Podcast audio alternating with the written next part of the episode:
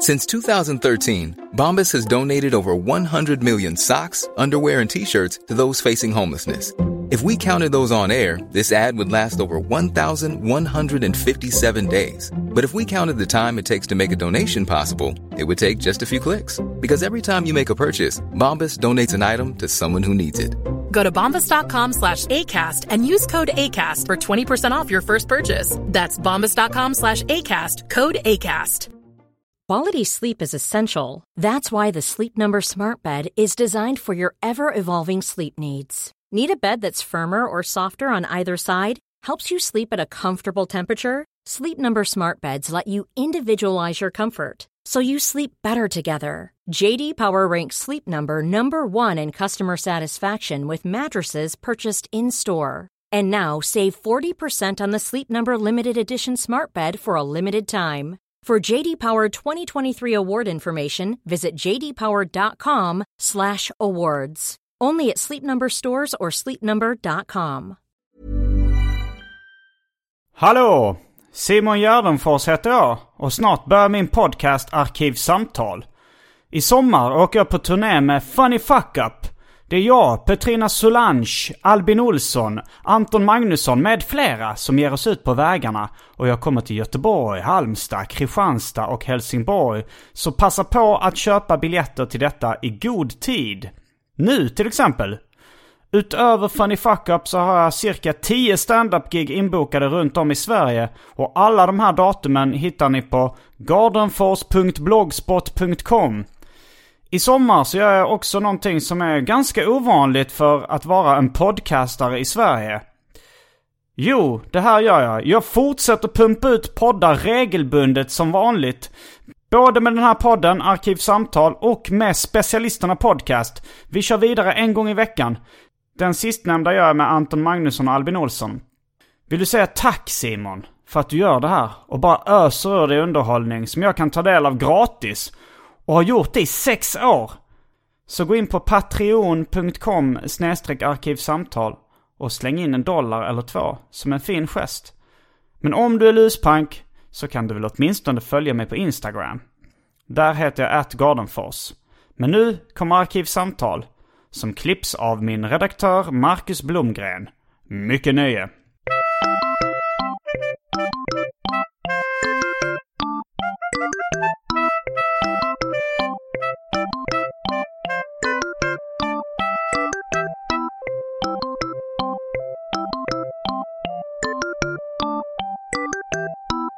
Hej och välkomna till Arkivsamtal. Jag heter Simon Gärdenfors och mitt emot mig sitter Jimmy Wilhelmsson. Och idag så ska vi prata om serietidningar. Mm. Du har eh, varit med och gjort boken eh, serietidningsreklam. Det stämmer. Den är alldeles färsk faktiskt. Det är jag och en kille som heter Adam Evertsson som har satt ihop den här lilla bibban. Och eh, jag har en bakgrund uh, inom serietidningar också. Jag har ju jobbat som serietidningsredaktör och tecknat serier för ganska många olika serietidningar. Uh, vi, kommer ju, vi kommer ju beröra ämnet serietidningsreklam ganska mycket. Uh, men du har, du har redan varit med i Snedtänkt och pratat om serietidningsreklam en gång innan. Det stämmer. Jag och Kalle Lind satt och eh, dryftade om ämnet och gled ut på allt möjligt. Jag gled in på lite olika sidospår. Så jag tänkte kanske mer vårt fokus ska vara en allmänt grepp om svensk serietidningsmarknad och svenska serietidningar. Eh, Men, eh, men jag har ju vissa frågor om, eh, om specifika reklamer. Kanske vissa som varit i serietidningar, kanske vissa som varit på andra sidan, Eh, andra ställen. Men, jag, men du verkar, alltså när jag har bläddrat i boken, jag har inte hunnit läsa allt ännu. Men uh, du verkar ändå ha ett rätt brett grepp om svensk uh, skräpkultur, svensk populärkultur. Ja. Alltså det finns ju någonting som gör att allt sånt här hänger ihop. Jag har ju tidigare skrivit en bok om eh, Commodore-datorer. Ja. Som du själv satt med Commodore 64. Ja. Jag har Jag skrivit en medverkar ju lite eh, Ja. som, i den boken. Dessutom. Eh, och eh, jag har skrivit en bok om rollspel och nu gett mig in lite på serietidningar och serietidningsreklam. Alltså det finns någonting. Alla som har växt upp på 70 och 80-talet vet ju att det finns någonting i den analoga skräpkulturen som du kallar den som hänger ihop. Allting är ju sammanbakat på ett sätt som eh, jag tror de flesta av oss Mm. minns. Och eh, när jag bläddrar, när jag börjar bläddra i boken. Eh, alltså jag är, har ett extremt passionerat förhållande till allt sånt där. Det är, det, är, det är liksom reklam för godis och glass och snacks. Och det är se, tecknade serier och sånt. Alltså jag gick ju nästan upp i limningarna när jag började titta på vissa av bilderna och sånt i den. Jag, jag är född 1978 och du är född... Jag är född 1973 så du är lika gammal som min yngre bror. Så jag har rätt Mm. Bra koll på dina referenser också tror jag. Mm, Men det är ju, det är ju så här att eh, serietidningen var ju en av få kanaler som gick rakt in i våra pojk och flickrum. Det fanns ju ingen reklam på tv. Som de flesta känner till oavsett hur ung man är. Och det fanns ju lite reklam på bio för den som Just gick det, på bio. Men det var ju, jag vet inte hur ofta ni gick på bio, men för oss var det ju max fyra gånger per år. Medan jag bodde hemma och liksom inte hade egna pengar. Så var det nog för mig också. Och jag hade ju turen då att eh, få bo lite utomlands som barn. Eh, min pappa jobbade på olika universitet, bland annat i Stanford, i Kalifornien och i Australien. Och då fick vi ju liksom ta del av ganska mycket eh, populärkultur där. Alltså dels amerikansk tv och, eh, och reklam i amerikansk tv. Och det, det fann, och det var ju mycket mer grejer som hade kommit då. Alltså nu, nu är det ju mycket mindre skillnad mellan USA och Sverige på vad som kommer hit. Framförallt så är ju tidsaspekten nästan noll. Det var ju så här att kom det en Stjärnornas krig-film i maj eh, 77 så, så var ju inte den här förrän till eh, hösten, kanske julen. Det beror på var du bodde i Sverige också. Ja, Det var väl ännu längre tid ofta. Jag bodde i Hjärup. Jag kommer ihåg man fick ofta vänta flera år på en biofilm till exempel. Men, men det blev lite som att jag... Eh, alltså, jag tror jag var sex år när vi, när vi flyttade till USA och bodde där ett halvår. Och då var det liksom nästan som att ge heroin till en sexåring. Alltså i populärkulturformat. Att jag blev så... Jag blev så hooked på det. Vad har vi då? 1984? Ja. Ja. Så liksom, ja men då var det så här Inspector Gadget och nej, men, liksom massa sådana och Pac-Man-flingor och sånt liksom. Så jag, bara, jag blev verkligen helt överväldigad. Och så- He-Man and the Masters ja, of the He-Man, Universe hade Masters of kommit. the Universe. Ja. Uh, och, var, och sen så liksom åkte man tillbaka till Sverige och då hade jag fått den här liksom beroendet av, uh, av amerikansk skräpkultur. Och har, har hela livet liksom haft ett så starkt sug efter det. Bara, jag tror det kan ha att göra med det att vi åkte till USA då och bodde där ett halvår när jag var liten. Och så blev det. Ja, Det blev vad det blev. absolut. Jag har ju haft det sta- starka beroendet ända sedan dess. Ja.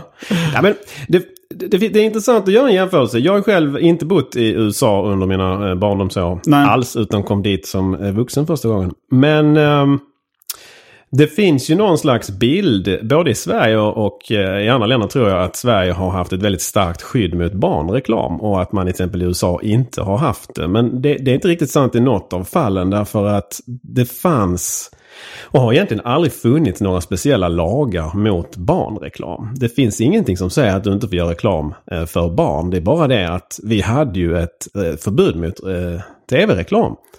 Och det var ju delvis på grund av, av att man inte ville att barn skulle se det. Men det hade ju även att göra med att man inte ville att vuxna skulle... Eh, att, man tyckte att reklam skräpade ner. Det kan man ju tycka till viss del fortfarande. Men det hänger ihop mycket med det. Och Ja, vi har ju alltid haft, för sig vid kiosker och sånt har det funnits eh, reklam för godis. Ja. Jag kommer ihåg lakrisalreklamen från Ja, ja, kiosken och sånt där. Nej, det är inga problem. Utan det man inte fick göra var ju helt enkelt att man, man ska ju inte göra reklam för produkter som är olämpliga. Alltså cigaretter och, och jag vet inte, knivar eller vad man nu kan tänka sig. Men det, men det löste ju sig själv. Det var ju ingen cigarettillverkare som eh, kom på liksom, idén att göra reklam för eh, Marlboro i, i Kalle Anka. Så det, det löste sig. Utan man, det, har, det har spridits ett rykte om att det, inte, man, att det inte var tillåtet med barnreklam. Men själva begreppet har alltså som lagligt begrepp inte funnits. Nej, Okej, det är intressant att höra. Mm. Och i USA, om vi ska fortsätta med det, så hade man ju faktiskt eh, regler för hur man fick sända reklam. De upplöstes. På 80-talet. Och det är därav, jag, jag kan inte, jag är inte jurist, men det fanns eh, regler mot att du inte fick eh, göra reklam för till exempel plastgubbar. Eh, att låta eh, plastgubbar som He-Man bli en tv-serie hur som helst. Jaha, när det- fanns det? Innan 80-talet eller vad sa Ja, du? den upplöstes av Reagan-administrationen. Så det är det som ger upphov till den här eh, flodvågen av eh, Transformers, He-Man och Thundercats. Allt vad det nu Alltså är. var liksom. det förbjudet att, att sälja plastfigurer som Nej. det fanns en... Men det var förbjudet att göra en tecknad film som marknadsförde plastfigurer. Jag märker nu att jag haltar här med det juridiska. Men det fanns en regel mot att du inte fick göra eh, vilken reklam som helst för dina leksaker i vilket program som helst. Så kan vi säga det. Okej. Alltså He-Man och Transformers och alla de här är ju i princip reklamfilmer för plastfigurer. Det är ju det. Man ser ju en, en, en eh, man ser ju en, en berättelse och så vill man leka med gubbarna. Det är ju inte mer med det. Liksom. Nej, men frågan är, i vissa fall är det ju frågan vad som kom först. Som till exempel Smurfarna kom väl den tecknade serien först. Och sen plastfigurerna. Ja. Och sen är frågan liksom om tecknade filmen var en reklamfilm för plastfigurerna eller... Ja. Eller Och i He-Mans fall, eh, i He-Mans fall vet jag att eh, plastgubbarna kom först. Man kom på först senare att tecknade filmen var ett bra sätt att göra, eh, att, att berätta för barnen vad, vad det egentligen handlade om. Vad handlade Skeletor om och vad handlade He-Man om? Men det möjliggjordes bara av att den amerikanska Reagan-administrationen ungefär i början på 80-talet slopade den här, den här regeln och släppte det fritt. Jag såg någon sån Netflix, eh, de hade någon eh, serie om barndomens leksaker. Just det. Då var det en, eh, då sa jag Masters of the Universe avsnittet. Eftersom jag lekte mycket med dem när jag var liten. Eh, men innan vi fortsätter prata om det här så ska vi kasta oss in på det omåttligt populära inslaget Välj drycken. Ja!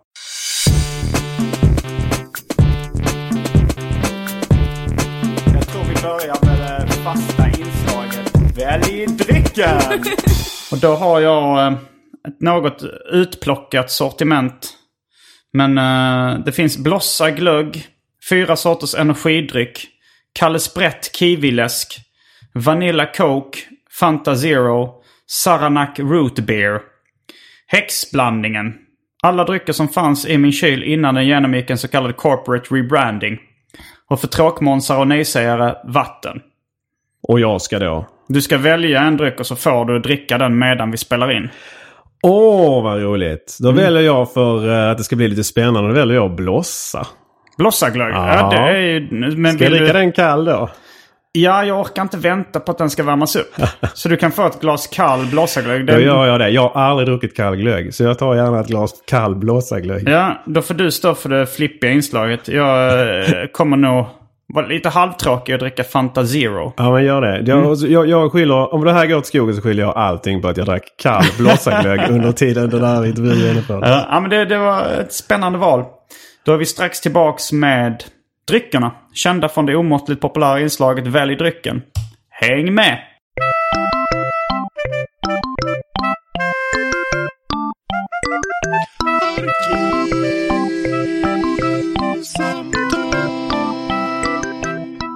Då är vi tillbaks och eh, Jimmy har just tagit en sipp av uh, blossaglöggen. Mm, Du kan ställa det på det här eh, underlägget så att det inte dunsar. Så ja. Det var en väldigt speciell eh, glögg. Det var ju inte den här vanliga... eh, Ja, det är någon New Delhi.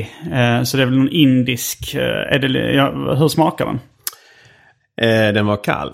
Mm. Mm. Men den var inte alls så illa som man skulle kunna förvänta sig. Jag skulle nästan kunna rekommendera... Det finns ju de människorna som eh, har eh, finheten att blanda eh, rödvin och cola va? Och dricka med is. Eh, Kalle Mucho. Ja, det heter det. Eh, och det var inte helt olikt den känslan. Ja, okej. Mm. Ja, ehm, då ska vi börja prata lite om eh, serietidningar. Eh, vi kan ju börja kanske lite... det var ett inslag i boken berör ju det här liksom hur serietidningsmarknaden har sett ut i Sverige eh, genom åren. Ehm, nu, nu när jag tar upp det så känner jag att eh, kanske lika bra att kasta oss in på godbitarna direkt. En, eh, alltså så en historisk genomgång kanske blir lite torr. Nej, men alltså att vi gjorde den... eh, Så här är det. det. Det finns ju två sätt att göra den här typen av böcker. Den innehåller ju mä- mängder av serietidningsreklam. Så antingen Mm. så slänger man upp alla bilderna och gör en bok av det och säger kolla här är jätteball reklam. Det kände ju vi är liksom, vem, vem ska betala 400 spänn för det? Det finns ju redan på internet. Mm. Det är ju mycket så med böcker idag. Att det, om det redan finns på internet så, så finns det ingen mening att, att... Det är väldigt få människor som vill ha det i en bok då också. Så att vad vi måste göra, sa jag Adam, vi måste ta reda på mer om reklamen. Vi måste fråga de som var med, fråga de som gjorde produkterna, fråga de som var med i reklambranschen om hur, var, varför det blev till så här, varför det ser ut som det gör. För många av reklamerna är ganska roliga. Man undrar varför hänger den tjejen i en tråd där och varför eh, säger Hubba Bubba sådana konstiga saker. Och för att det skulle funka behövde vi någon form av lite tråkigare inledningskapitel. Vad är egentligen den svenska seriebranschen? Varför ser den ut som den gör? Så det, det kan vi definitivt skippa här för det är vad det är. Det är en historisk genomgång helt enkelt. Ja. Men en fråga om då eh, om serietidningsreklam, eller en fråga som jag har, en käpphäst som jag återkommit till. Det är att jag brukar alltid rätta folk som eh, kallar Scans hotdogs för Denniskorv. Exakt, det gör du rätt i. Ja, för det är ju inte den riktiga Dennis på, på Scan hotdog-förpackningen. Nej, det är det inte. Och det har Scan redan eh, dementerat. Hallå, Simon Gärdenfors här. Jag tänkte bara göra en liten instickare. För efter det att vi spelat in det här avsnittet av Arkivsamtal så var det en lyssnare som eh, skrev i Facebookgruppen Arkivsamtal eftersnacksgruppen att Ika Boström i Lilla Edet hade utlyst en tävling där man skulle svara på vad eh, pojken på eh, Skans hotdogsförpackning heter. Och de har delat ut pris till den, i den tävlingen där rätt svar har varit Dennis. Och det här uh, retade upp mig något så fruktansvärt att jag var tvungen att, att ringa till Ika Boström och eh, kommentera det. Men här kommer det inspelade telefonsamtalet i alla fall. Välkommen till Boström, det var Niklas. Ja, hejsan. Simon Gärdenfors heter jag. Ehm, jag ehm, ringde innan och kollade lite. Ni hade en tävling på som då handlar om uh, Scans hotdogs. Okej, ja. Vad tänkte du? Nej, det, det står att ehm, man, ska, man ska svara på frågan vad den berömda pojken på hotdogspaketen heter. Ja, ja. Och vad är rätt svar? Mi- Min tanke är väl att det är Dennis, eller? Jag vet faktiskt inte. Det är inte Dennis. Nej, okej. Jag hade gärna sett en ursäkt på er Facebook-sida. Och kanske och att, att ni dementerar då att, eh, att figuren skulle heta Dennis. Okej. Är det så att vi har gått ut med felaktig information, dratt eh, vinnare på felaktiga grunder, så kommer vi naturligtvis göra en eh, pudel med det. Det är lite svårt att inte eh, att ta tillbaka priset, så att säga så. Ja. Men, men vitsen med att jaga upp någon hetsk stämning mot detta, det kan jag inte heller se. Eh, alltså vad, vad din agenda är i detta. Det är ju, alltså, det är ju intressant eh, ibland med felaktiga påståenden, man bara tar saker för givet. Att Kalles kaviar, gubben heter Kalle fast han hette egentligen någonting annat. Eller vad det där, kan vara. där står det ju Kalles kaviar. Där, eh, Ja.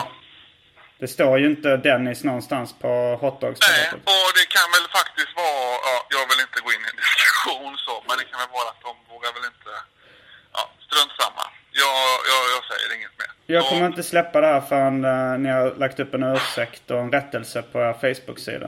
Men jag får tacka, jag får tacka för ditt engagemang och så eh, kommer vi självklart göra en dementi där. Okej, tack så mycket. Mm. Tack så ha. Hej. Hej. Nu har de gjort en, eh, en rättelse på sin Facebook-sida. Och de har även postumt ändrat eh, frågan till vad kallas pojken på, eh, på förpackningen. Lite skarvning där tycker jag. Grejen är att Dennis, The Menace, Ja. för den som inte vet vad seriefiguren är, det är en liten blond kille som ställer till med bus i sin eh, villaförort någonstans i USA. Och så är ju grannen farbror Nilsson heter han på svenska va? Hans, eh, ja. Det är ju som en Flanders i Simpson. Det är bara det att det här är en, en, en gubbe som blir irriterad på, på, på Dennis upptåg. Peter Den- Harrison gjorde rösten till... Exakt. Han har också varit gäst i Arkivsamtal. Ja men det är ju underbart. Det finns ju så mycket connections här så att det... Ja, han gjorde också rösten till då Katten Nisse. Som eh, Ja. är en serietidning som jag är och har varit fixerad vid vä- väldigt länge. Vad är det den heter på engelska? Heathcliff. Exakt, det är ju en jättekonstig försvenskning. Eh, ja, men den har hetat ganska många konstiga saker på, på svenska. Alltså den, den har gått som följet, eller har gått som skämtteckning i, i Svenska Dagbladet bland annat. Eh, den har hetat Anderssons katt. Just det. Och den har hetat, eh, ja men lite olika. Skräcken hette den någon gång också. Okej. Men eh, för att återkomma. En av mina superkrafter är att jag lägger digitala, eller mentala ska jag säga, bookmarks. Så jag kommer hitta alltid väldigt lätt eh, tillbaka. Eh, Dennis har länge varit väldigt populär. Framförallt på 50-talet eh, och 60-talet. Och eh, det var många som ville rida på den vågen. Så att eh, Scans korvar heter inte Dennis-korvar, de heter hotdogs. Men det var ett solklart fall av renommésnyltning. Eh, det, det vet jag inte. Solklart fall. Alltså det, det är ju, nu är det svårt att visa här, men det är ju en, en pojke. Och den, han är ju ganska lik. Han har samma snedlugg, han har samma fräknar på kinderna. Eh, nu kan inte jag det här utan men jag tror att Scans hotdogs kom 65. Någonting i den stilen. Eh, på 70-talet vet jag att det är då man lägger till de här runda vad heter det? Röda kinderna. Ja, exakt. Och det, det är ju inte klarlagt varför man gör det. Men det är förmodligen ett sätt att skilja eh, eh, Dennis från då, eh, hotdog-pojken. Ja, det är frågan om de fått till och med kanske ett, eh, ett hot från Season Dennis. sist. eh, ja, det, jag, jag vet inte. Och det är inte säkert att... Alltså det funkar ju så. När den här brandingmarknaden är igång. Att eh, när det kommer en ny reklambyrå så tycker de att de ska sätta ett avtryck. Och så tänker man, ah, men ska vi inte göra... De vill ju visa att de har gjort någonting. Så att sätta lite kinder på, eh, på pojken i början på 70-talet. Det kanske kändes väldigt 70-talsmodernt. Jag vet faktiskt inte. för sig, det är många 70-talsillustrationer från barnböcker och sånt där de har runda röda kinder. Men det finns en annan rolig historia runt eh, eh, Dennis. Du som kommer från eh, södra Sverige vet ju vad B&V var för någonting. Butikskedja. Eh, butikskedja. Jag är inte hundra på om den finns överallt i Men vad Sverige. står, jag vet inte vad det står för i och för sig, men... men Eh, det man- hette ju Wessels någon. Okej. Okay. Usch, nu visar jag okunnighet. Vi är båda två okunnighet. Men, men eh, d- den hette B&V i alla fall. Och den hade ju licens på att använda Dennis Mm. i sin eh, tidningsreklam. Men det var ju främst i dagstidningar. Det var inte i serietidningar. Utan man gjorde reklam för sina... Alltså det är ju totalvaruhus. Och de hade ju skor och färg och leksaker och, och allt möjligt liksom. Eh, sen går den eh, licensen ut. Jag tror man fick den direkt av Semic. ja. Och då vill man ju ha någonting liknande. Så då vänder man sig till en eh, tecknare som var väldigt känd då. Som heter Bo Michanek. Vad har han tecknat för andra grejer? Han är ju, han var Bamse-tecknare och framförallt kalanka tecknare Okej. Han var ju en av eh, stjärnskotten då. Men han gjorde då en, eh, en ny figur. Ett nytt busfrö. Som, eh, som finns illustrerad i, i boken också. Och döpte den till Bosse Bus. Efter sig själv. Men då tyckte man på Semic att den här blev så lik Dennis att man stämde. Okej. Eh, och förlorade. Därför Vem förlorade? Eh, förlåt, B&V vinner. Så Semic B&V förlorar. De Okej, får lov att använda Bosse Bus. Eh, därför att det finns tillräckligt många avvikande element. Eh, han hade bland annat han hade samma sorts snickarbyxor men han har eh, ska man säga, en framtand. Du förstår jag menar. Alltså han har en... Han saknar en tand. Nej, utan en eh, istället. Normalt är ju när till exempel en eh, kanin har två tänder som sticker ut där fram som Bugs Bunny. Så sticker det här bara en. Han har alltså bara en mitttand som sticker ut. Det är jättekonstigt. Men Um, sån. Och så... Snaggletooth tror jag det heter på engelska. Ja, det gör det nog. Och så har han en keps över ögonen och det har ju inte heller Dennis. Nej. Så de klarar sig. Men det roliga i det här är ju att Dennis har ju hetat Bosse Bus. I väldigt tidiga syndikaliseringar i Sverige. Han har hetat Christian Tyrann. Han har hetat Bosse Bus. Han har säkert hetat fler saker innan han blev, fick det logiska namnet Dennis eftersom det ju är det han heter från början. Ja, Men det- det brydde sig inte rätten om alls. Och det tror jag inte Bo Michenek hade någon aning om heller. De tänkte han... nog inte på det.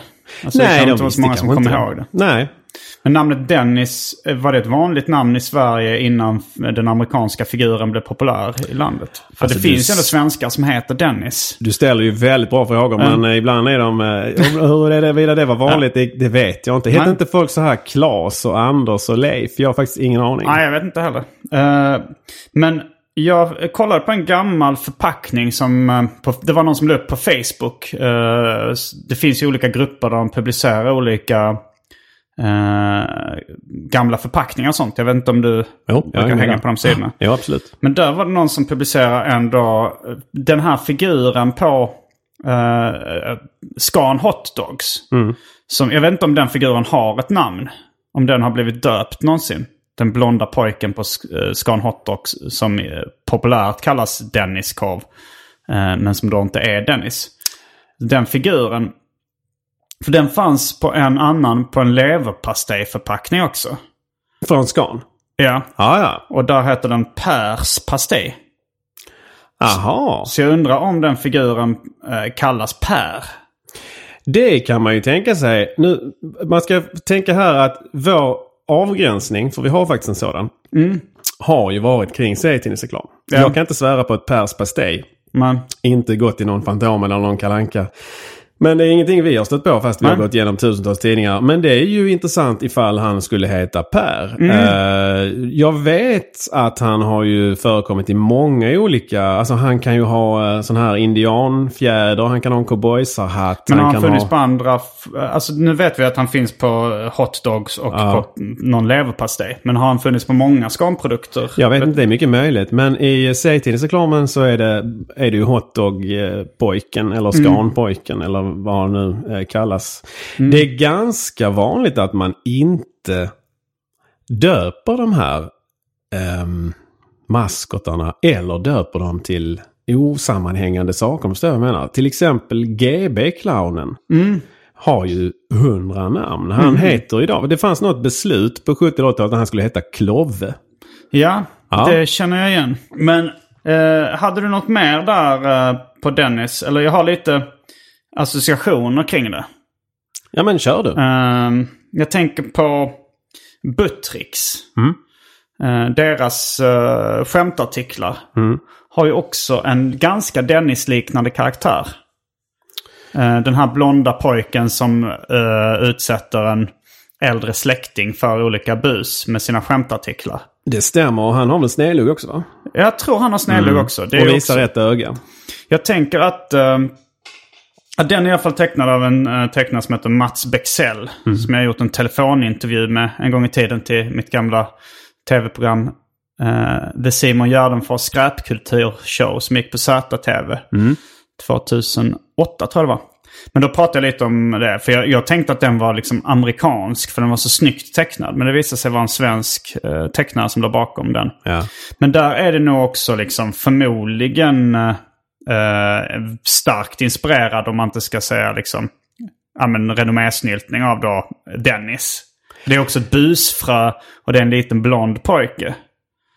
Eh, han heter nog Bengan Bus som också ligger, alltså, har, har Oh. senare fått namnen Bengan Bus.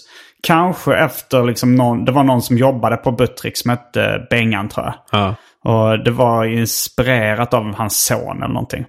Men vad jag tänkte på var att, eh, för då var det ju att de tidigare hade haft rättigheterna till Dennis och sen börjar med en, en karaktär som är väldigt lik Dennis. Då sticker det nog mer i ögonen på de som har eh, rättigheterna till originalfiguren. Så jag Såklart. tänker en liknande resa gjorde ju då, för jag kommer ihåg eh, kalanka pastillasken kalanka godis Som sen blev Palle Kuling.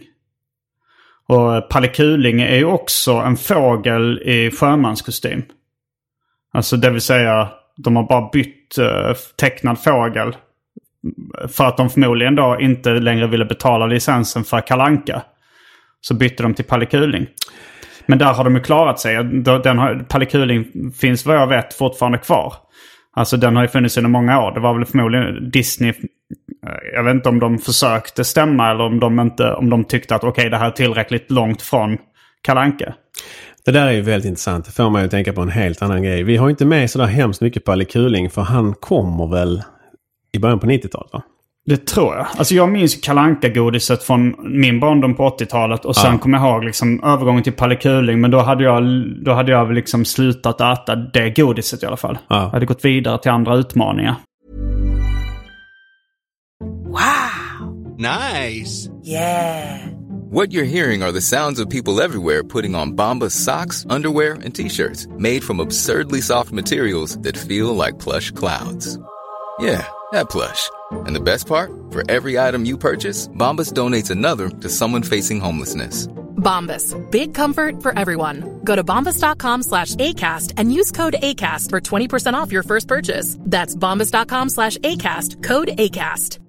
Quality sleep is essential. That's why the Sleep Number Smart Bed is designed for your ever evolving sleep needs. Need a bed that's firmer or softer on either side? Helps you sleep at a comfortable temperature? Sleep Number Smart Beds let you individualize your comfort so you sleep better together. JD Power ranks Sleep Number number 1 in customer satisfaction with mattresses purchased in-store. And now save 40% on the Sleep Number limited edition Smart Bed for a limited time.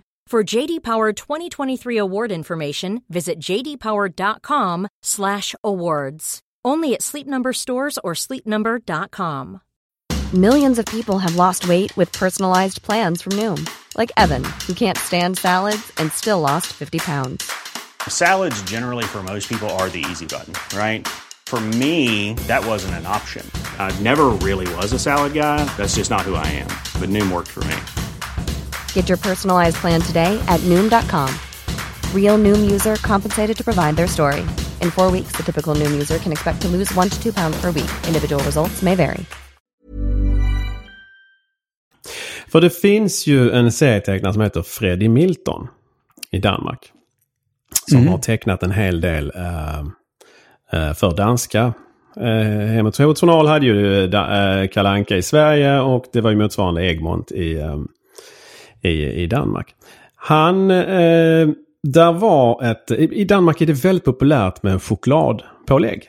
Mm, Men det. inte bredbar choklad utan en hel chokladskiva. En tunn chokladskiva. Ja, Som liksom kan ihåg. bryta, men det är inte meningen att du bryter utan du lägger den platt på en, en macka liksom och så, och Mm. så, och så käkar du det. Eh, och då fanns det ett, ehm, ett danskt bolag som hade då uh, Kalle Anka. Mm, Licensierad av, av Egmont då. Men då eh, bestämdes, eller ja, det, det Var löpte... det Egmont som ägde rättigheterna till Kalle Anka? Nej, det var ju Disney. Men det är Egmont, precis som Egmont idag, eller Hemmets Journal då, är ju, är ju Disneys eh, ombud i, i eh, eller de som licensier, fått licensierat det i, i Sverige. Precis som Bergsala har Nintendo. Eh, så är det ju liksom, eh, eh, Disney har ju då inte egen representation utan man, eh, man använder, man låter Hemmets Journal sköta det. Eller Egmont i det här fallet. Eh, men då löper den licensen ut och Nestlé ska ta över. Okej. Då kontaktar ju det här bolaget som hade Kalle licensen precis samma story som BV. Så kontaktar de Freddy Milton. Och säger vi skulle vilja ha något annat. Har du någon figur på lager? Var det Freddy Milton som tecknade BOV-gubben också? Nej, det var ju Bo Michanek. Okej, ja det var det. Nej, nej, de här storiesarna är helt, eh, Mm. de är inte relaterade.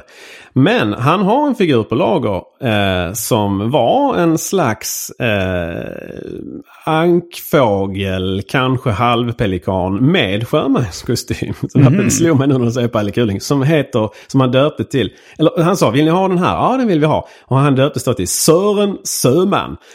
Ja, Jag är inte så bra på danska. ja. Sören Sörman eh, på danska. Och där blev det väsen. Mhm, Då hör Nestlé av sig och vill, eh, kanske inte så mycket, återigen jag är inte jurist, de kanske inte vill ha för intrång men de vill ha för liksom någon slags ehm, Tanken var ju att du inte skulle märka att det inte var Kalle längre utan fortsätta köpa det.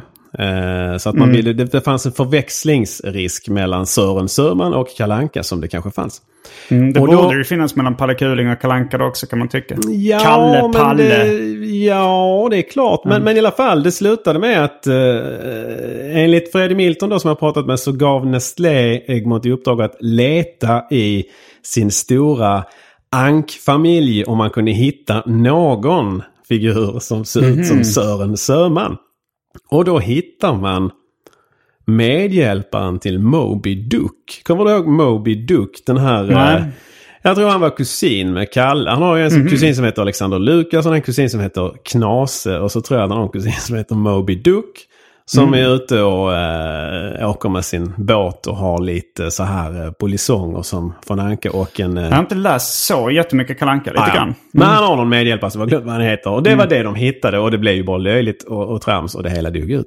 Så det kan hända, det här har jag ingen aning om. Det här är liksom, som sagt, det här slår mig nu. Det Mm. kan hända att på folket som eventuellt ville stämma Palle Kuling. Jag har aldrig hört att man skulle vilja det. Nej, jag har inte att, hört man det har, att man har sett det här och, och liksom sett att Nestlé har tidigare kört i väggen och misslyckats och så struntar man i det kanske. Jag vet inte Ja, kanske det.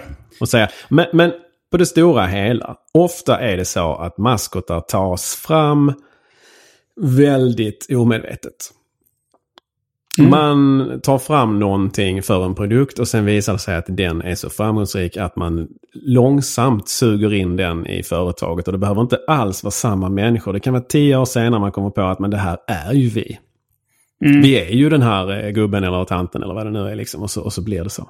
Jag läste någon gång om att Ikea i Tyskland hade haft en älg som maskot.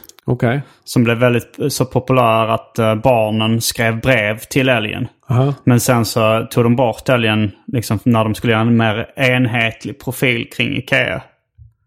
Men En det, älgclown. Nej, det var nog bara en... Jag vet inte om det var en tecknad älg som var liksom Ikeas Ja. eh, maskot i, i, eh, i Tyskland. Men den är ganska... Den är inte så känd i Sverige. Det finns ju andra som är mer eh, medvetna. Jag vet att du har tidigare haft uppe OLV-vargen. Olven, ja. Exakt. Den eh, var på chipspåsar från 80-talet, Mm. som jag minns det. 1983 introduceras den och den storyn har vi. Vi har till och med hittat originalskisserna. Mm. Därför att den blev... eh, eh, Det fanns även Olvinnan. På Chips var det en kvinnlig... eh, Jag vet inte om hon... Han hette ju Olven. Det är, ju, det är ju riktigt. Men det var inget man gick ut med. eh, Utan det var, ju, det var ingenting som stod på påsarna. Ja, det var åtminstone ingenting som man gick ut med i... Jag läste om det i Jenny Dambergs bok eh, Nu äter vi. Ja. Som handlar, hon har varit gäst i Arkivsamtal också. Det Ja. liksom handlar mycket om snacks och svenskarnas favoriträtter. Ja. Men, eh, men eh, dra, dra din story kring Olven gärna.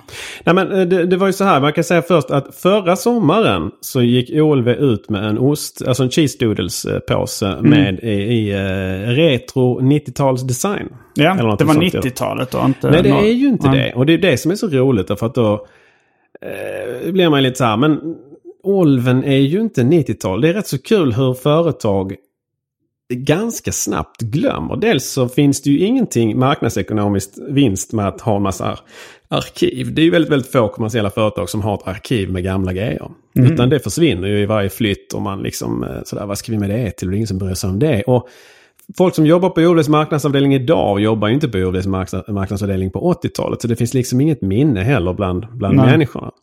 Utan det som hände var att i början på 80-talet så vänder sig reklambyrån Arbmans. Det är en klassisk reklambyrå som fanns både i Malmö och Stockholm. Mm, jag tror jag varit på den i Malmö faktiskt. Det är bara Malmökontoret kvar. Ett Okej. litet, litet eh, kontor. Men det var ju, Arbmans var eh, framförallt på 60-talet tror jag en, en av Sveriges mest aktade eh, byråer. Eh, men de fanns på 80-talet i alla fall och då vänder man sig till eh, en eh, tecknare på tidningen Svenska Med. Som he- heter Torvald Sundbaum. Mm.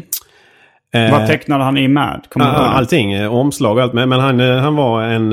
Han tecknade väldigt mycket och jag tror till och med att han var med ända från starten. Så han var väldigt, väldigt gammal och gick tyvärr bort i januari i år. Eh, så vi hann inte riktigt fråga alla frågorna kring just Ulven. Men vi hann, han hade hunnit lämna in sina originalalster till seriearkivet i Malmö. Så de hade kört en intervju med honom. Alltså han var ju 95, han var väldigt gammal när han gick bort. Men Det finns ju en rätt logisk förklaring till varför det är en... Det ska vara en ulv. Ja. Men det är då att OLV står för Old London Vasa. Det var Yes. samma, samma företag som gav, gjorde knäckebröden Vasa. Som slog sig ihop med ett företag som heter Old London. Och så gjorde de de chipsen. Och sen så var det väl en ordlek då med ulv, olv. Ja, det är så. Precis som du säger så fanns det en uppfinnare i, i New York som eh, uppfann eh, ostbågar. Men ostbågar heter inte ostbågar i, eh, i USA utan han eh, skapade varumärket Cheese Doodles. Så det som är intressant är att OLVs ostbågar har aldrig hetat ostbågar. De är Cheese Doodles. Och Ah, det de har aldrig, det har aldrig stått ostbågar på förpackningen? Aha. det varumärkesskyddades. Så när Estrella skulle börja med ostbågar så får inte de heta Estrella Cheese Doodles. För då är det varumärkesskyddat. Så Estrella måste heta ostbågar. Och då protesterar tydligen halva Sverige. Vi som är från södra Sverige förstår inte vad det handlar om. Men halva Sverige kallar tydligen ostbågar för ostkrokar. Jo men det har jag läst om. Jag har sett en karta. Och de är fullständigt vansinniga. Det heter inte ostbågar. Och jag liksom är så här, men du visa mig en enda Estrella-påse som det står ostkrokar på. Det kanske finns, jag har ingen aning. Men det står ostbågar på det mesta. Men OLVs ostbågar heter Cheese Doodles. Och som, precis som du säger så är det um, en son tror jag till uh, Vasaveden som är över i New York och träffar då uh, uppfinnaren och ägaren av London. Och så köper de upp helt enkelt. Det, men det fanns, jag, jag har gjort ett, faktiskt ett specialavsnitt om ostsnacks av Arkivsamtal. Så jag har läst på väldigt mycket om det här. Så. Det fanns ju, jag, jag skulle säga att det är en stretch från då Estrellas marknadsföringsteam att, eh, att den uppfinnaren i USA uppfann ostbågen. Det var bara den, spe- OLV. ja, eller OLV. Att eh, det är egentligen bara den formen. För det fanns, det fanns Ah, ja. ju puffade ostsnacks i en annan, alltså i en annan form som är mer lik Cheetos som idag finns i Cheese Crunchers. Så är det givetvis. Eh, så det, det, det är en stretch att det skulle liksom uppfinna bara lite, en form som ser lite annorlunda ut. Nej men så är det ju. Men så kan man säga om allting. Om du gör vingummi i form av eh, en sko så har du ju uppfunnit liksom wine shoes. Jag vet Ja, inte. jo. men men, Ja, men i den här. Mm. formen, ostbågar som finns i Sverige, som är det vanligaste fortfarande väl. Eh, och då är det så att det är en dansk, eh, eh, vad heter det, eh, produktionsledare på Armans reklambyrån som eh, eh, på danska heter ju varg ulv. Ah, Det finns ju inget annat ord. Så att han tycker att det är roligt att den ska heta Ulven. Eh, så det är ja. egentligen hans eh, Ulven, förtjänst. ja, Jag vill minnas att han hette Sune. Det är en rätt krånglig ordlek liksom. O-L-W. Den skulle väl heta någonting. Jag misstänker att det är ett arbetsnamn. Och eh, jag tror så här. När dansken ringde så sa han är du färdig med Ulven? Mm. Punkt. Och så blev det liksom det. Så en svensk hade sagt är du färdig med vargen? Ja, just det. Men Eh. han ritar ju ändå en varg liksom. Ja, han ritar en varg och den är mer lik, om man tittar på de eh, tidiga skisserna så är den ju mer lik en varg. Han är mycket mer lik Stora Stygga Vargen från början. Han är Just liksom det. äldre och har mer, um, eh, mer liksom polisonger eller skägg eller vad man ska säga och en hatt och sådär. Men han har alltid haft kavaj eller, man, eller någon form av... Um, Men på danska stavas ulv med O då. eh, det tror jag inte. Men det, Mm. det, det kommer väl på. När han har sagt tillräckligt många gånger är du färdig med ulven så, så kläcker väl någon till slut att Ulve, ulven, jag vet inte. Jag tror det är ett arbetsnamn. Och jag vill minnas att det inte har direkt använts. Ulven har man inte sagt i någon marknadsföring. Utan eh, han användes som en maskot ganska framgångsrikt på eh, eh påsarna. Och det gjorde han ganska länge. Han används långt in på 90-talet. Till och med när själva reklamannonserna har slutat använda eh, den här vargen och börjar använda lite mer coola ostbågar med, med glasögon och bakåt med en det. keps och det sådär. var den så det, första reklamen jag såg på svensk tv. Ja, då är det fortfarande ulven på påsen. Så det kan Mm. ha varit en skarv där man liksom kände väl att vi, eh, vi använder upp de här plastpåsarna vi har. Jag vet inte. Är det Men- en svensk reklam den här um, tecknade ostbågen med eh, solbrillor och bakvänd keps som rappar? Det ska det vara, absolut. The cheesier snack with a crispy sound. The Cheesier Snack använder de ju redan 83. Mm. Den är, har hängt med länge.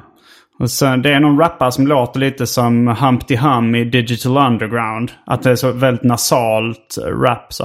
I was walking outside and what did I see? Just det. Eh, den gick på tv. Jag undrar också vem som rappade det. Det ska vara intressant att höra Det- vilken svensk rappare, om det nu var en kan svensk man ju gå vidare med.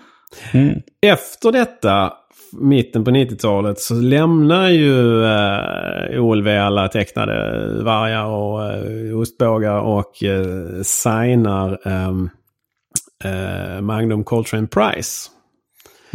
Det en kanske svensk de kan- soulartist som var ganska, eh, som var upp, up Jag and tror coming. han är rappare också. Det är kanske han som låg bakom det. De kanske signade honom genom eh, den. Kanske, jag vet inte. Jag vet bara att de gjorde något så ovanligt att de vände sig till en, ehm, en, eh, vad heter det här, en sån här agency som väljer ut folk. Vad heter det? Casting agency. Det gjorde man nästan aldrig när det gällde eh, den här typen av reklam. Utan man ville ha det billigaste möjliga och då vände man sig oftast till eh, reklammakarnas grannar. Eh, barn och jättemycket sånt här. Alltså totala amatörer och bara fotade därför att det var gratis. Men just den här vet jag att man använde sig av en eh, agency. Där man plockade fram ungdomar som skulle vara rätt. Och då var ju naturligtvis eh, Magnum Coltrane Prize rätt. Storebrorsa till uh, Mackan och uh, vad heter den andra killen? i Mingus i Fattare. Är Magnum Coltrane Prize. Okej, ja. Där var och då, då är det ju den här em, filmen där de em, sitter och har lite tråkigt på en grusväg och så börjar någon eh, rassla med en påse. Och så gör de lite rytmer och börjar slå. Och så här, det står helt plötsligt oljefat och så börjar någon banka lite på det. Och då är det Magnum Coltrane Price. Det är en kille som heter Micke Strid som är koreograf och dansare. Och så är det Bea Usma. Mm. Som eh, alla tre förmodar jag är med i den här eh, agencyn eh, för olika talanger. Eh, de har musiker och, allt möjligt. Jag tror hon jobbar lite som modell då. Hon jobbar framförallt i, eh, i reklambranschen. Så att, det, hon är ju, blev ju sen läkare och expert på eh, André-expeditionen. Och, och, Och har varit gift med Henrik Schyffert. Det har hon ju också. Men menar, hon har ju framförallt en karriär som är helt eh, annorlunda idag. Och så blivit Ja, akademiker. den här, det finns väl något uh, Petra Dokumentär om den här... Uh, uh, vad, vad hette den? André-expeditionen. André-expeditionen. Ja, hon är ju Sveriges ledande expert på det. För det har alltid varit en, en sån där hang-up eh, tydligen. Jag, jag har faktiskt inte pratat med henne själv. Men, men hon eh, har ju skrivit en bok som blev väldigt, eh, blev väldigt eh, uppmärksammad. Och ofta stod bredvid generation 64 i boklådor. Mm, Eh, ja. Därför så känner jag, känner jag väl till den. Men det är ju när chips, OLVs chipsreklam har lämnat de här så kallat tramsiga Tecknade figurerna. Ja, det kan man väl säga. När chips liksom inte... Jag vet inte om man inte bara vill vara för barn längre eller om man vill vända sig till en tv-publik. Det händer ju någonting med reklam när tv kommer in i bilden och serietidningar dör. Detta är ju 1995 tror jag. Då, eh, då är ju serietidningen rejält på dekis. Mm. Det var när pikade serietidningen i Sverige? Du, gissa det. Jag blev förvånad. När pikar, alltså när når... När är Jag den tror, absoluta nu tror jag jag såg den här eh, grafen eller den här uträkningen i, i din bok. Mhm. Eh, men det var, pikade den på 80-talet eller var det tidigare? Den vänder 80-81. Okej, men då, då pikar den eller? Ja, då, ja det är precis. Då pikar den. Då vänder det. Och jag blev jätteförvånad för jag som är... Jag var ju bara sju år 1980 och upplevde ju att hela 80-talet det var ju Marvel, det var rejält med Kalanka, det var Bamse, det var ju alla tidningar fanns ju tyckte man. Det fanns allt från Lajban till Flinta till eh, Ja, men om det just har Nisse. och är lite på väg utåt så är, måste, det är det ju ändå på toppen liksom. Det är ändå, de har ju ändå i väldigt mycket. Men enligt Ulf Granberg som drev Fantomen-redaktionen väldigt länge så var det väldigt tydligt. Man hade, det här, man hade haft en kurva som gått spikrakt uppåt. Och eh, tjänar rejält med pengar. Eh, och sen händer någonting. Jag vet att han sa att eh, vissa tidningar kunde minska med 10 000 eh, nummer. Sådär, eller ja, tusentals nummer i alla fall. Helt plötsligt. Det var nästan så vi trodde att en lastbil hade kört eh, och kra- kraschat liksom och inte kommit fram. För man bara, men vad, vad är detta? Så det vände, vände snabbt och hastigt. Vissa av tidningarna fick tillbaka, alltså kunde, det var inte så att det gick rakt ut för men man kom aldrig upp i Nej. 70-talets eh, siffror igen. Men det var väl konkurrens från andra medier? Alltså tv-spel, datorspel. Ja, Kabel-tv, det, det är ju inte. VHS. Ja. Ja. Men det gemensamt för det du säger är ju rörliga media. Man, Ja. vill, man vill gärna ha det till att rörliga media eh, gjorde att serietidningsmarknaden eh, långsamt gick ut för. Men den är ju... Den lever ju bredvid videon och datorspel och tv-spel under hela 80-talet. Det händer ju någonting sen som gör att det är ju nog något generationsskifte vid 80-90-talet att de som är sju år 1992 är inte uppväxta med serietidningen på samma sätt och aldrig blir eh, intresserade av att plocka upp en. Uh, Serietidningen är ju inte död. nej, absolut Men den är inte. inte, men- det är inte samma... Det finns ju inte Nej, det var- hyllmeter liksom. Nej, men det var väl när jag var liten så var det ju var det ett av de få sätten man kunde kom- konsumera liksom amerikansk inspirerad eller amerikansk eh, populär och skrattkultur. Alltså för på svensk tv gick det inte så mycket tecknad film eller liksom den typen av eh, lättsam underhållning. Så, Nej. eh, så, och, och det är väl förmodligen därför jag har fått en sån kärlek till just tecknade serien. För att det var en av de få liksom, utloppen för den typen av kultur som fanns. Mm.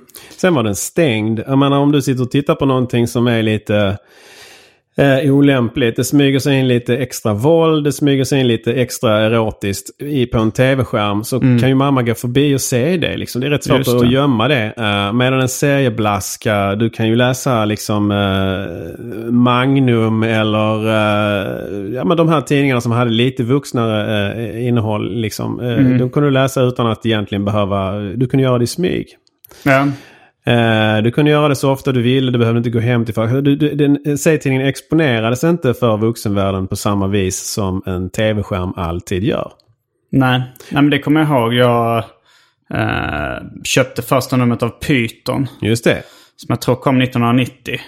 Det kan stämma ja. Och den... ehm, Och det var ju... Det var, det var liksom min första, eh, första kontakt med vulgär, rå humor liksom.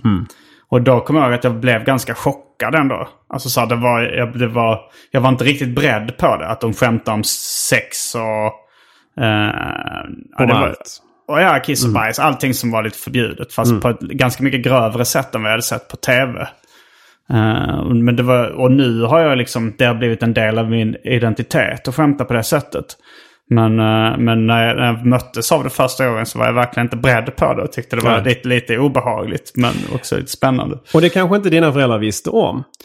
Eh, Att du, de kanske inte gick och rotade i dina tidningar. Jag vet inte. Ja, alltså jo, de gjorde... Alltså, jag kommer ihåg för min pappa lånade ändå Python och tyckte det var roligt. Eh, För han hade, ju- han hade vuxit upp med en rolig halvtimme. som Just var det. liksom snuskiga fräckisar. Tidigare än så. Eh, vilket jag också såg skymta förbi i eh, den här boken. Som, Det är ju Sveriges mest sålda. Alltså, eh, vi har ju försökt utröna vilket som är det mest säljande numret av alla. av serietidningar. Ja, rolig så- ha- halvtimme är ju ingen renodlad serietidning. Det är därför den inte kom med. Men vi Men- ville ändå nämna att det finns ett julnummer 1968 som ska ha sålt eh, nära nog 700 000. Alltså vi pratar inte upplagor utan pratar ha sålt. Folk, svenska folket var ju galna i den här typen av fräckisar. Det var fräckisar och, och, och det är så, alltså man minns ju nästan eh, de här gamla svartvita fräckis... eh, Det kanske inte är fräckt i, i vår mening idag men med tanke på hur 60-talet var Det är nog så... fräckt på ett annat sätt. Ja. Alltså, för det är nog så anses väldigt sexistiskt och rasistiskt och sånt idag. Och det är det såklart. Men det, det, om vi glömmer det att folk hade en annan, en, en, en liksom annan, annan eh, syn på saker och ting så är ju ändå det fräcka de ville åt. Och det, eh, Det kittlande liksom. ja. Och den, den, alltså över 600 000, nära 700 000, det slår ju alla Bamse, alla Kalle Anka. Kalle Anka hade ju länge en, en gott och väl sålda över 200 000 av varje nummer. Men det är en lång bit upp till just de här tidningarna. Men det är ju du ganska s- lite om man, om man tänker nu på hur många som konsumerar populära YouTube-klipp eller sådär. Ja, fast eh, det ska mycket till om ett YouTube-klipp eh, blir konsumerad lika länge. Det vill säga, du, du kan inte jämföra med att du ser ett YouTube-klipp i två minuter mot att någon köper och betalar pengar för en tidning i 700 000 ex och som ligger kvar. Den, det är det som är det fina med serietidningen. Den ligger kvar och läses om och om igen. Du läste ju inte en tidning en gång. Nej, det var många gånger ofta. Ja. Jag skulle nog vilja säga, det här kan man debattera i all evighet, men reklambranschen idag kan ju bara drömma om de exponeringssiffrorna som serietidningsmarknaden hade gentemot barn. Man fattar inte den guldgruvan. Länge, länge fattar man inte det. Nej. Jag har några minnen av serietidningsreklam också som jag är inte helt säker på om de tas upp i boken.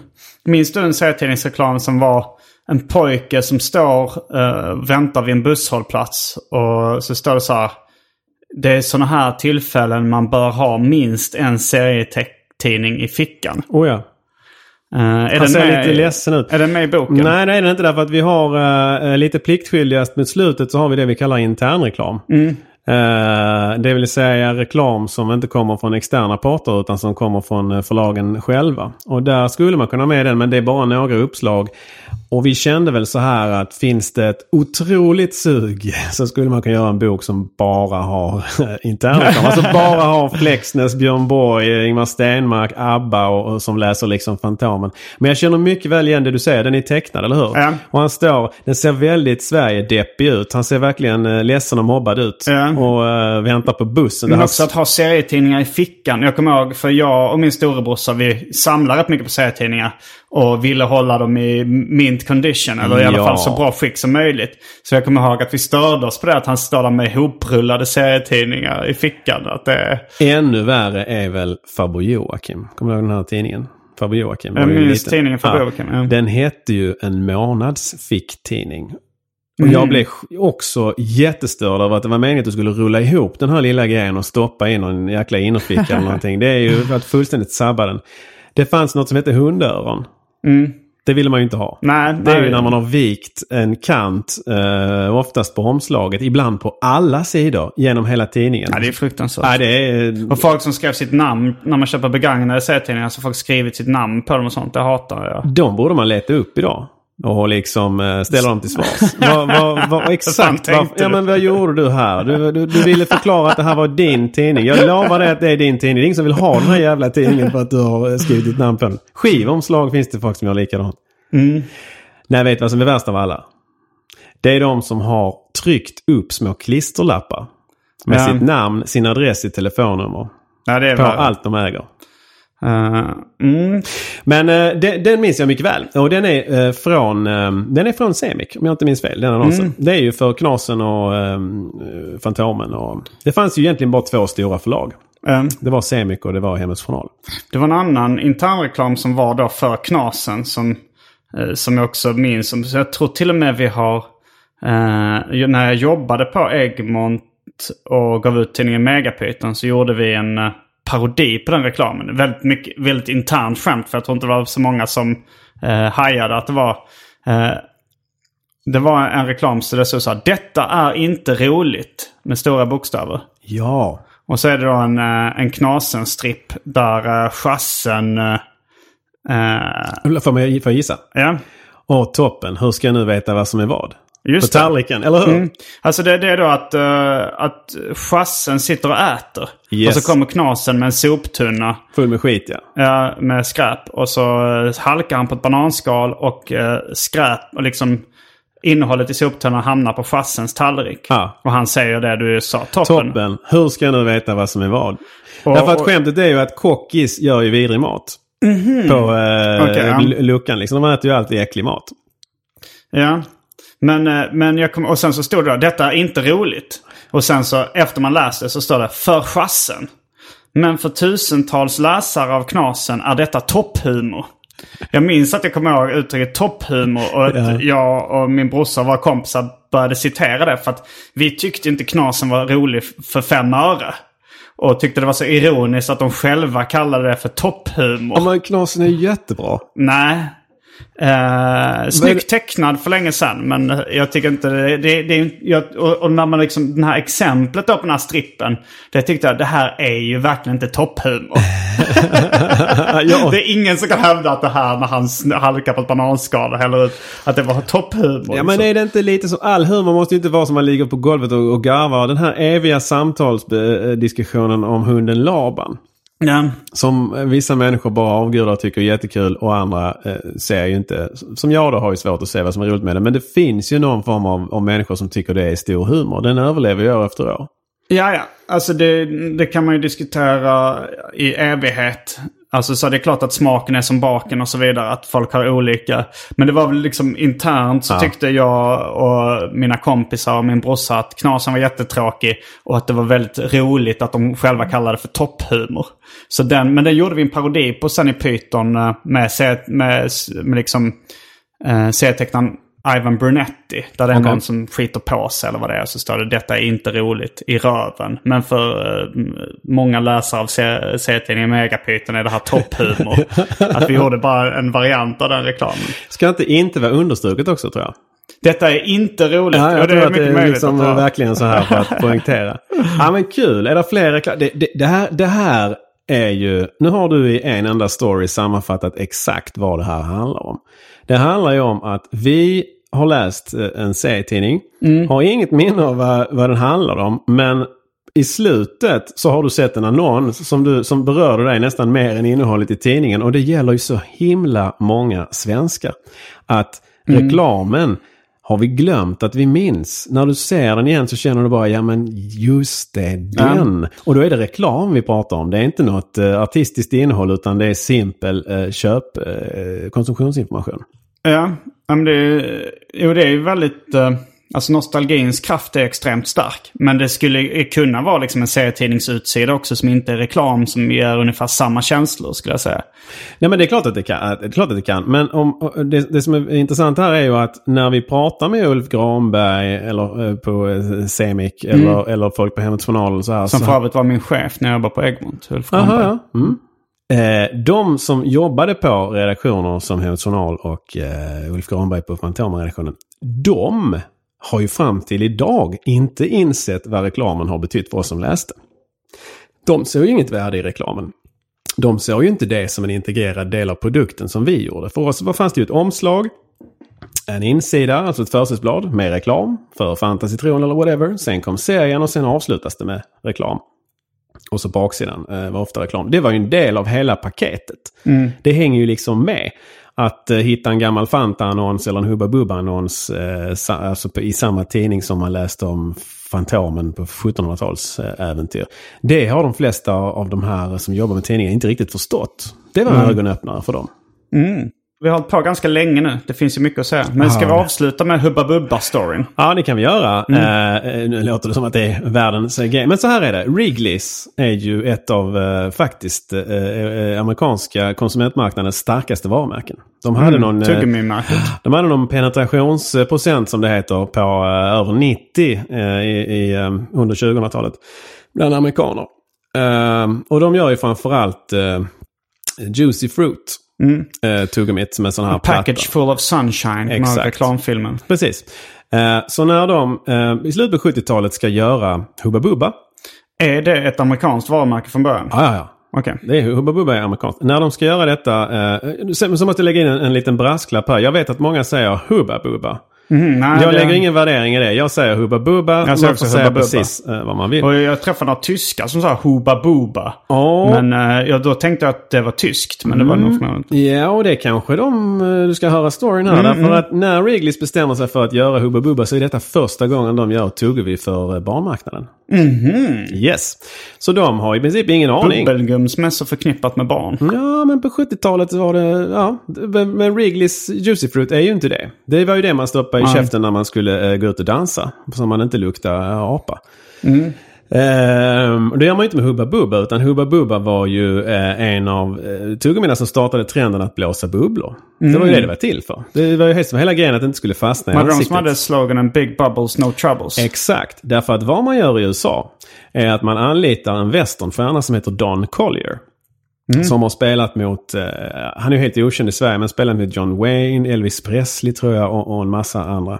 Så han är en tuff kille som man gör en eh, reklamfilm med. Eh, som går ut på att du ser en westernstad och så kommer det en massa gangsters och ställer till eh, så Kalabalik. Trubbel heter det, det är bra ord.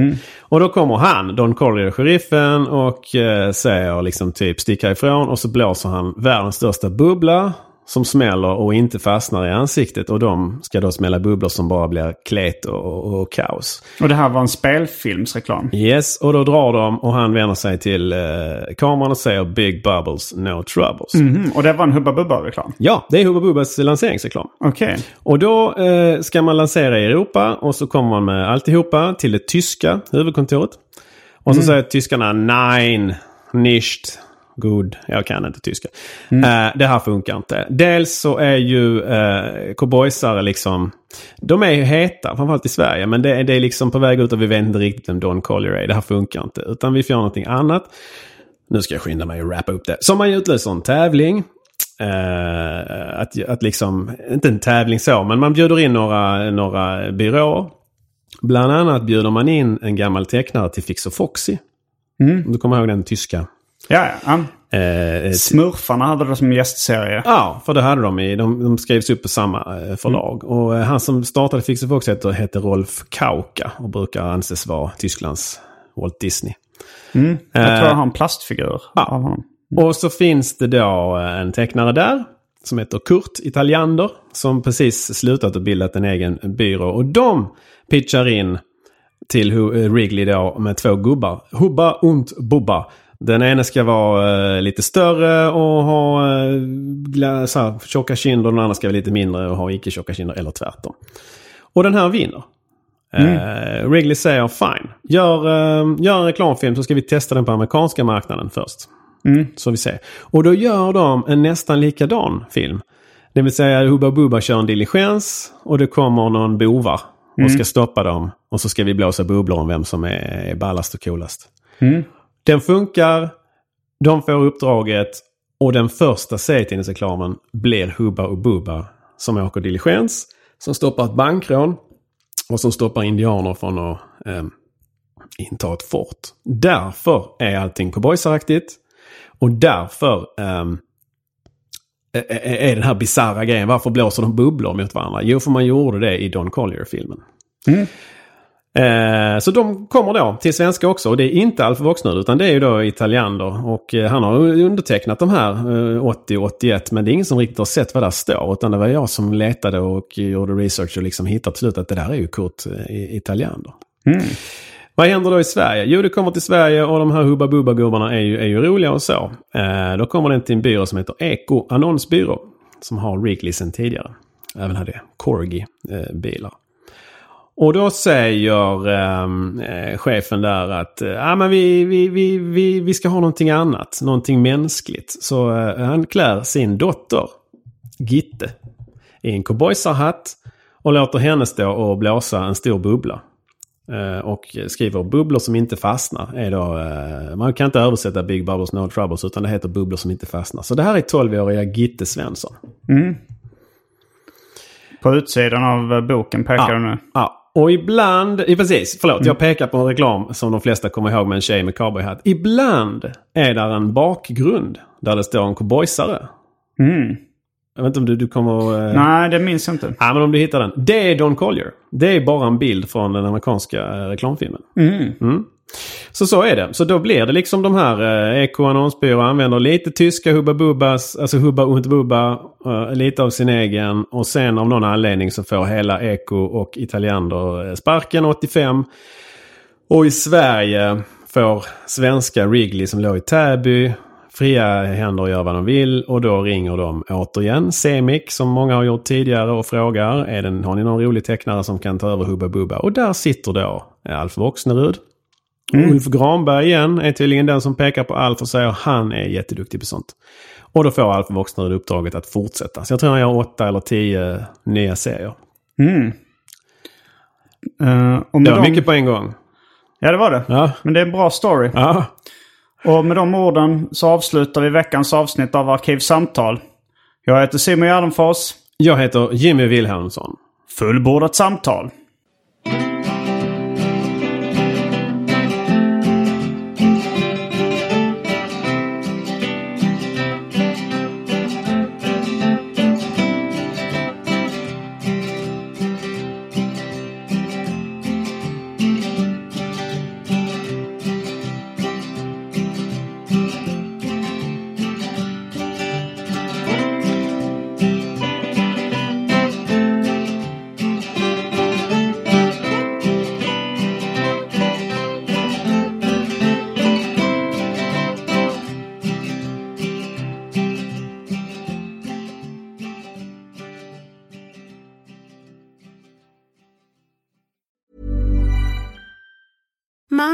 Deserves the best, and there's no better place to shop for Mother's Day than Whole Foods Market. They're your destination for unbeatable savings, from premium gifts to show-stopping flowers and irresistible desserts. Start by saving 33% with Prime on all body care and candles. Then get a 15-stem bunch of tulips for just $9.99 each with Prime. Round out Mom's menu with festive rosé, irresistible berry chantilly cake, and more special treats. Come celebrate Mother's Day at Whole Foods Market.